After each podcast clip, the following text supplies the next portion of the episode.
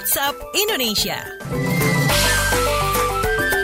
Oke, waktunya kita keliling Indonesia di WhatsApp Indonesia dan kita awali dengan laporan Badan Meteorologi, Klimatologi dan Geofisika BMKG mengenai cuaca sepekan ke depan bersama perakirawan BMKG ada Ahmad Rifani. Selamat pagi, Mas. Halo, selamat pagi, Mas Don. Iya, silakan. Baik, terima kasih untuk laporan uh, perakiraan cuaca seminggu ke depan. Ini kami perakirakan potensi hujan dengan intensitas uh, lebat masih akan terjadi di wilayah Aceh, Sumatera Utara, kemudian wilayah Riau, Sumatera Barat, dan juga wilayah Jambi.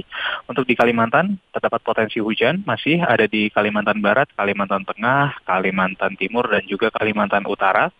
Uh, wilayah Sulawesi cukup merata potensi hujan, kemudian di Maluku Utara dan Maluku akan cenderung cerah hingga berawan dalam seminggu ke depan.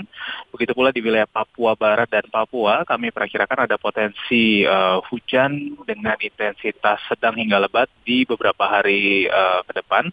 Untuk di wilayah Pulau Jawa hingga ke Nusa Tenggara, kami perkirakan potensi hujan mulai tampak mulai merata di penghujung bulan Oktober ini hingga ke tanggal 2 November nanti.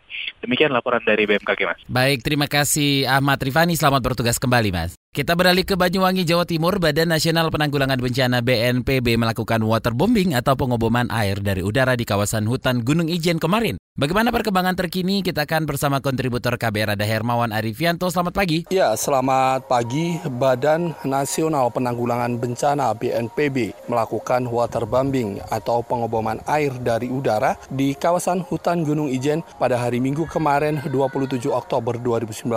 Komandan Satgas Tanggap Darurat Kebakaran Lahan dan Hutan Banyuwangi, Yuli Eko Purwanto mengatakan waterbombing dilakukan untuk memadamkan api yang membakar hutan Gunung Ijen sejak 8 hari lalu. Kata dia ada sejumlah titik yang dilakukan pengeboman air dari udara, di antaranya kawasan Cagar Alam Merapi Ungkup-Ungkup atau berada di petak 1D RPH Suko yang sejak beberapa hari lalu terbakar. Menurut Yuli, waterbombing tersebut akan dilakukan beberapa hari ke depan karena berdasarkan pantauan citra satelit milik Lapan masih terdeteksi sejumlah titik api di kawasan Gunung Ijen. Selain dilakukan waterbombing, tim gabungan Satgas Karhutla Banyuwangi juga telah melakukan penyekatan di beberapa tempat agar kebakaran hutan tidak meluas ke hutan produksi. Demikian dari Banyuwangi, Hermawan melaporkan untuk KBR. Terima kasih Hermawan. Terakhir kita ke Rembang, Jawa Tengah yang tengah dilanda kekeringan dan kabarnya dampaknya meluas. Selengkapnya silakan kontributor KBR Musyafa dari Radio R2B Rembang. Hingga mendekati akhir bulan Oktober ini, belum ada tanda-tanda musim kemarau di Kabupaten Rembang, Jawa Tengah akan berakhir. Akibatnya, dampak bencana kekeringan semakin meluas. Seorang perangkat desa Banggi Petak di Kecamatan Kaliori Rembang, Suwardi, mengatakan bantuan air dari berbagai kalangan sangat meringankan beban masyarakat. Saat ini mayoritas warga terpaksa harus menghemat air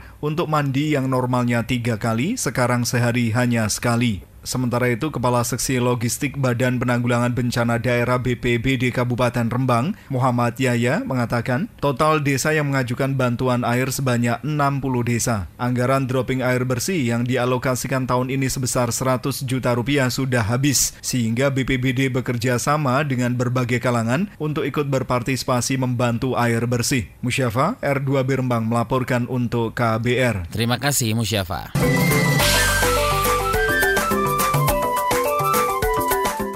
WhatsApp Indonesia.